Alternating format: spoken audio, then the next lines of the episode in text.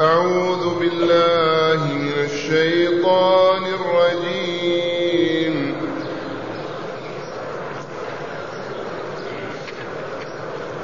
الذين آتيناهم الكتاب من قبله هم به يؤمنون.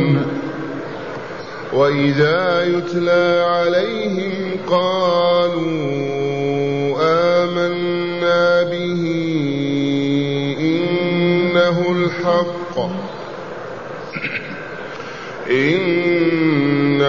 الحق من ربنا إنا كنا من قبله مسلمين. أولئك يؤتون أجرهم مرتين بما صبروا ويدرؤون بالحسنة السيئة. ويدرؤون بالحسنة السيئة ومما رزقناهم ينفقون. وإذا سمعوا اللغو أعرضوا عنه وقالوا وقالوا لنا أعمالنا ولكم أعمالكم سلام عليكم لا نبتغي الجاهلين. أحسنت. معاشر المستمعين والمستمعات من المؤمنين والمؤمنات قول ربنا جل ذكره الذين آتيناهم الكتاب من قبله. الذين أعطيناهم الكتاب الذي هو التوراة والإنجيل من قبله أي من قبل القرآن هم به يؤمنون. وهذا نزل في أفراد بأعيانهم. منهم سلمان الفارسي ما كان مجوسيا كتابيا. منهم النجاشي النجاشي بعث باثني عشر رجلا إلى رسول الله صلى الله عليه وسلم في مكة ليؤمنوا ويسلموا على يديه لأن النجاشي رضي الله عنه أسلم وهو في بلاد الحبشة أميرا أو ملكا. لما نزل هذا الوفد هناك والتفوا حول الرسول صلى الله عليه وسلم وآمنوا به. وإذا بأبي جهل يقبحهم ويذمهم ويلومهم كيف تتبعون هذا المدعي هذا كذا وردوا كلامه بالكلمة الحسنة وانصرفوا. نزل فيهم هذا الكلام الإلهي. الذين آتيناهم الكتاب من قبل القرآن. التوراة والإنجيل هم به يؤمنون. فالذين كانوا من اليهود والنصارى ملتزمين بما في التوراة والإنجيل ما إن سمعوا بدعوة رسول الله وخروجه حتى آمنوا. والذين هبطوا من قبل وفسدوا وغرر بهم وخدعوا بالباطل ما يؤمنون ما آمنوا. وقوله تعالى وإذا يتلى عليهم أي القرآن الكريم الذي أنزله الله على محمد صلى الله عليه وسلم إذا قرئ عليهم كما قرئ على جماعة الحبشي النجاشي قالوا آمنا به. آمنا به. إذا لماذا قالوا إنه الحق من ربنا؟ شاهدوا بأن القرآن كلام الله وأن الله أنزله وأنه كتابه فآمنوا به وقالوا إنا كنا به مؤمنين. قبل أن ينزل كنا ننتظر. إذ علماء اليهود والنصارى الذين ما فسدوا ما هبطوا ما نزلوا إلى الأوساخ أوساخ الدنيا كانوا ينتظرون بعثة النبي صلى الله عليه وسلم. يتأملونه وينتظرون متى تتم. ما إن بعث الله رسوله حتى فرحوا بذلك. هكذا يخبر تعالى والله له الحق. ماذا يقولون؟ قالوا آمنا به أي بالقرآن وبمن نزل عليه. إنه الحق من ربنا الثابت. ليس تسجيل ولا كذب ولا باطل. إنا كنا من قبله مسلمين لله. قلوبنا ووجوهنا. نعبد الله وحده بما شرع. فرضي الله عنهم وأرضاهم وجمعنا وإياهم في دار السلام. ثم قال تعالى عنهم أولئك يؤتون أجرهم مرتين. الأجر الأول على إيمانهم بموسى وعيسى والعمل الصالح الذي عملوه في دين موسى وعيسى والأجر الثاني على إيمانه بمحمد صلى الله عليه وسلم وعملهم بما جاء به يؤتون أجرهم مرتين. مضاعف. وهنا يخبر النبي صلى الله عليه وسلم. ويقول ثلاثة أجرهم يضاعف لهم مرتين. بدل الحسنة حسنتان. ما هما؟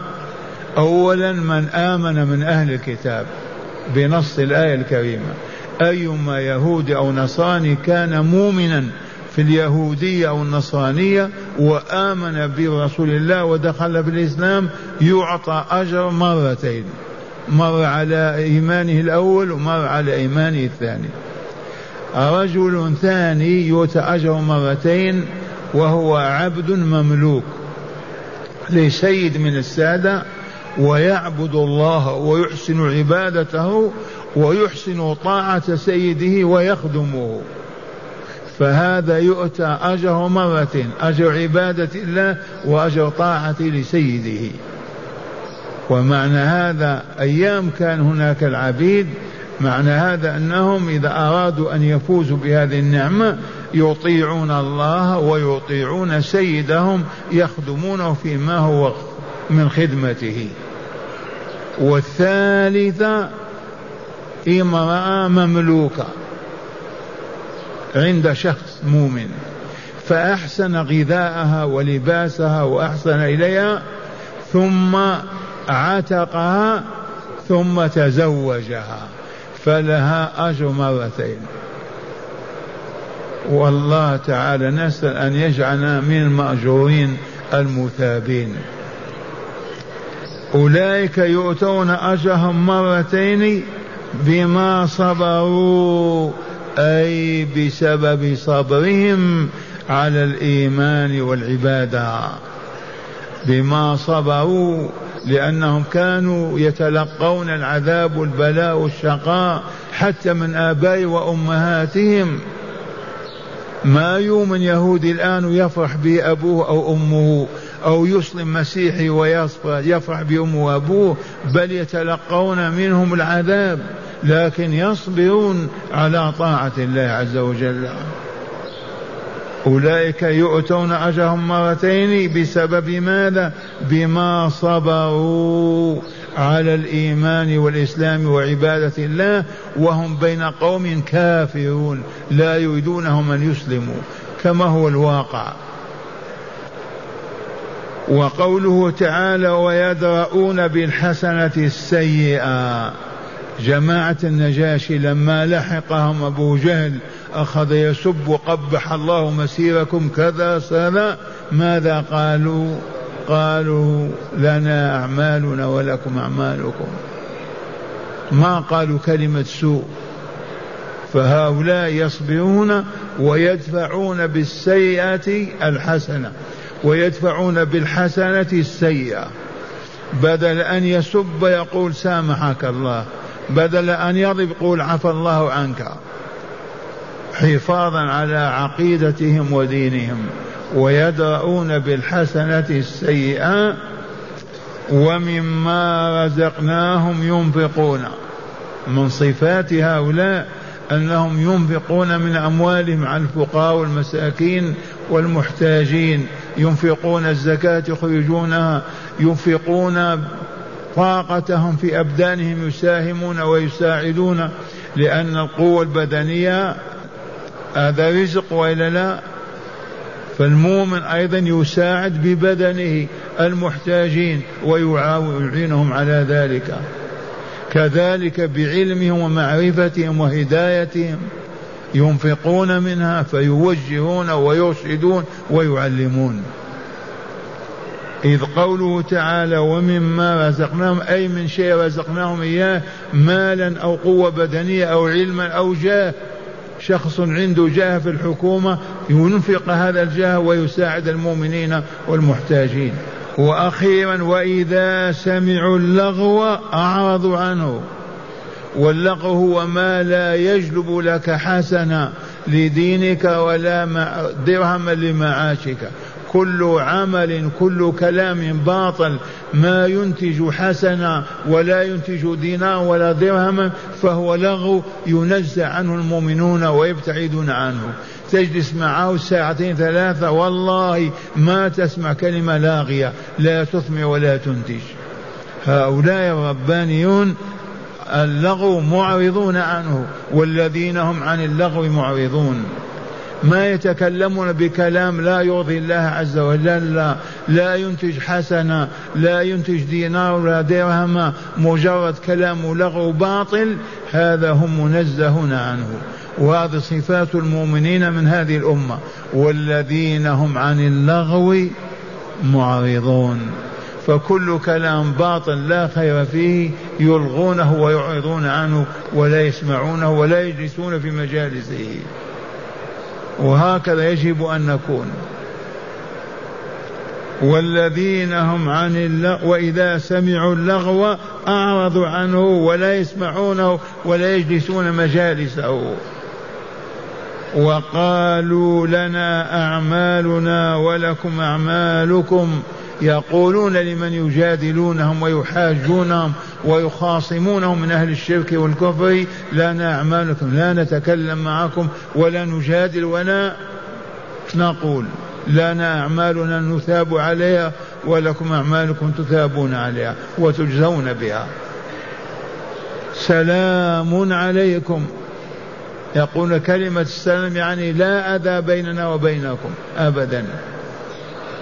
لا نبتغي الجاهلين لا نريد الجاهلين ولا نجالسهم ولا نسمع كلامهم فضلا على أن نجادلهم ونخاصمهم. هذه هي الجماعة المؤمنة في كل زمان ومكان. هذا حال المؤمنين الصالحين. اسمعوها مرة ثانية.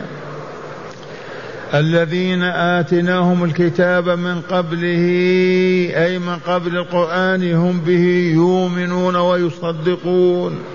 وإذا يتلى عليهم قالوا آمنا بأنه الحق من ربنا إنا كنا من قبله مسلمين. هؤلاء اسمع الجزاء من الله أولئك يؤتون أجرهم مرتين. أولا ثانيا بما صبروا يؤتون أجرهم مرتين بسبب صبرهم على عبادة الله وطاعته والبعد عن معصية الله والشرك والكفر به بما صبروا. ويدرؤون بالحسنة السيئة. يجب علينا نحن ونحن أولى بهذا أن ندفع بالحسنة السيئة. إذا سمعنا سيئة ندفعها بحسنة. إذا رأينا باطل أو منكر ندفعه بالمعروف لا بالباطل مثله. ومما رزقناهم ينفقون ننفق مما آتانا الله في حدود قدرتنا بين الفقراء والمساكين أو المحتاجين. ننفق مما علمنا الله من العلم والمعرفة. نساعد بأبداننا إذا كنا قادرين ووجدنا من عاجز على أن يحمل هذا الكيس. نحمله معه. على أن يدفع هذه السيارة ندفعها معه. فننفق مما آتانا الله من المال والعلم والجهد والطاقة ومما رزقناهم ينفقون. وإذا سمعوا اللغو أعرضوا عنه أعطوا أعراض ظهورهم. ما يسمعون اللغو أبدا أو يدخلون أصابعهم في أذانهم. ولا يجالسون مجالس أهل اللغو ولا يتكلمون معهم ولا يجادلونهم ولا يخاصمونهم. أعرضوا عنه وقالوا لنا أعمالنا ولكم أعمالكم. سلام عليكم. لا نؤذيكم ولا نقبل أذاكم. السلام بيننا. لا نبتغي الجاهلين ولا نريدهم ولا نجلس معهم ولا نجادلهم. لا نبتغي الجاهلين. من هم الجاهلون؟ ما عرفوا الله ولا عرفوا محبة ولا مكاره ولا عرفوا طاعته كيف تكون ولا عبادته ولا ما أحل ولا ما حرم. هؤلاء هم الجاهلون. ما نجالسهم ولا نجادلهم ولا نخاصمهم. هذا شأن الربانيين من هذه الأمة المسلمة. جعل الله وإياكم منها. والآن مع هداية الآيات. بسم الله والحمد لله. من هداية هذه الآيات أولا بيان فضل أهل الكتاب إذا آمنوا بالنبي الأمي وكتابه وأسلموا لله رب العالمين. في الآية الأولى بيان فضل المؤمنين من اليهود والنصارى من أهل الكتاب. إذا آمنوا وأسلموا الآن من النصارى واليهود لهم أجرهم مرتين. إيمانهم بعيسى وموسى وإيمانهم بمحمد صلى الله عليه وسلم. فبلغوا هذا النصارى واليهود اليوم ليدخلوا في الإسلام. يؤتون أجرهم مرتين. نعم. ذكر الشيخ غفر الله لنا وله وجمعنا وإياه في دار كرامته وفي مستقر رحمته. ذكر في النهر قال ذكر عدة أقوال في هؤلاء الذين نزلت فيهم هذه الآية. منها وهو أقربها لأن السورة مكية أنها نزلت في النجاشي وأصحابه.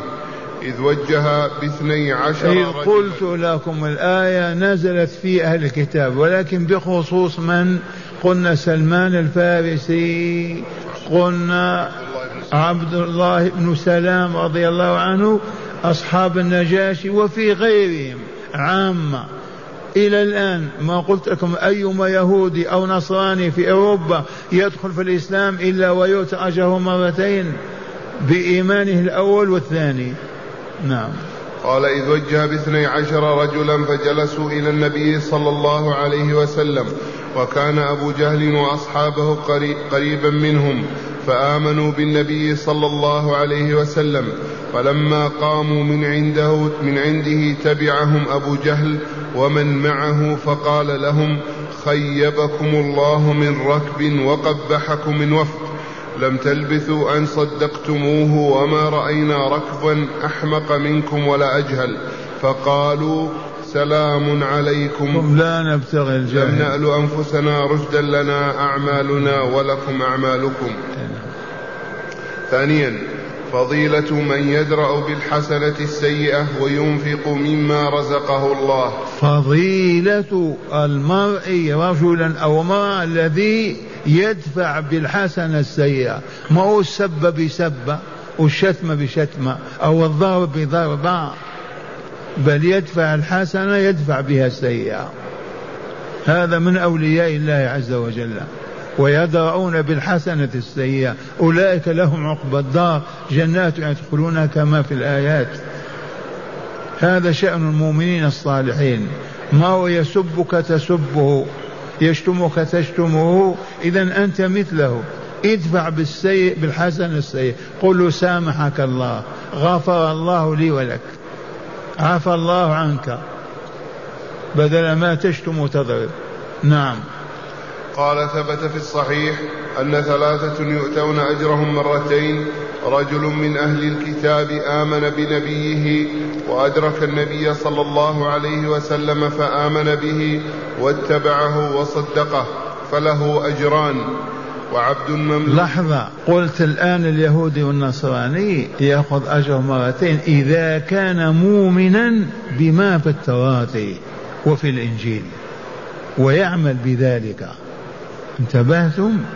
أما إذا كان شيوعيا ملحدا أو زنديقا باطلا أو كذا ما يأخذ أجر مرتين لأنه ما اتبع عيسى ولا موسى. لا بد وأن يكون متبعا لموسى عليه السلام كاليهود متبعا لعيسى عليه السلام كالنصارى. هذا الذي إذا آمن بمحمد صلى الله عليه وسلم ودخل في الإسلام يعطى أجره مرتين مضاعف. فهمتم هذه؟ يكون هو قبل الإيمان بالإسلام كان متبعا. للتوراة التي أنزل الله على موسى متبعا للإنجيل الذي نزل على عيسى. ثم مؤمنا بهما ثم يؤمن برسولنا صلى الله عليه وسلم يعطى أجره مرتين. نعم. وعبد مملوك أدى حق الله عز وجل وحق سيده فله أجران. ورجل كانت له أمنة أمة فغذاها فأحسن غذاءها ثم أدبها فأحسن أدبها ثم اعتقها وتزوجها فله أجران. قال الشعبي خذ هذا الحديث بغير شيء فقد كان الرجل يرحل فيما دون هذا إلى المدينة. قلت لكم هؤلاء الثلاثة ما بقي منهم إلا من يؤمن ويسلم اليهود والنصارى. لأن ما عندنا عبيد يخدمون سيادهم. في عبيد الآن انتهوا مع انتهاء الجهاد. ما عندنا إيماء مسترقات أيضا نعبيها ونعلمها ونكسوها ثم نعتقها ثم نتزوجها. هذا أيضا غير موجود. هذا وجده الرسول صلى الله عليه وسلم في جريرة أو جويرية نعم. ثالثا فضيلة من يعرض عن اللغو وأهل الجهالات ويقول ما يسلم به من القول. وهذه إحدى صفات عباد الرحمن وإذا خاطبهم الجاهلون قالوا سلاما أي قولا يسلمون به. وهذا السلام ليس سلام تحية وإنما هو سلام متاركة.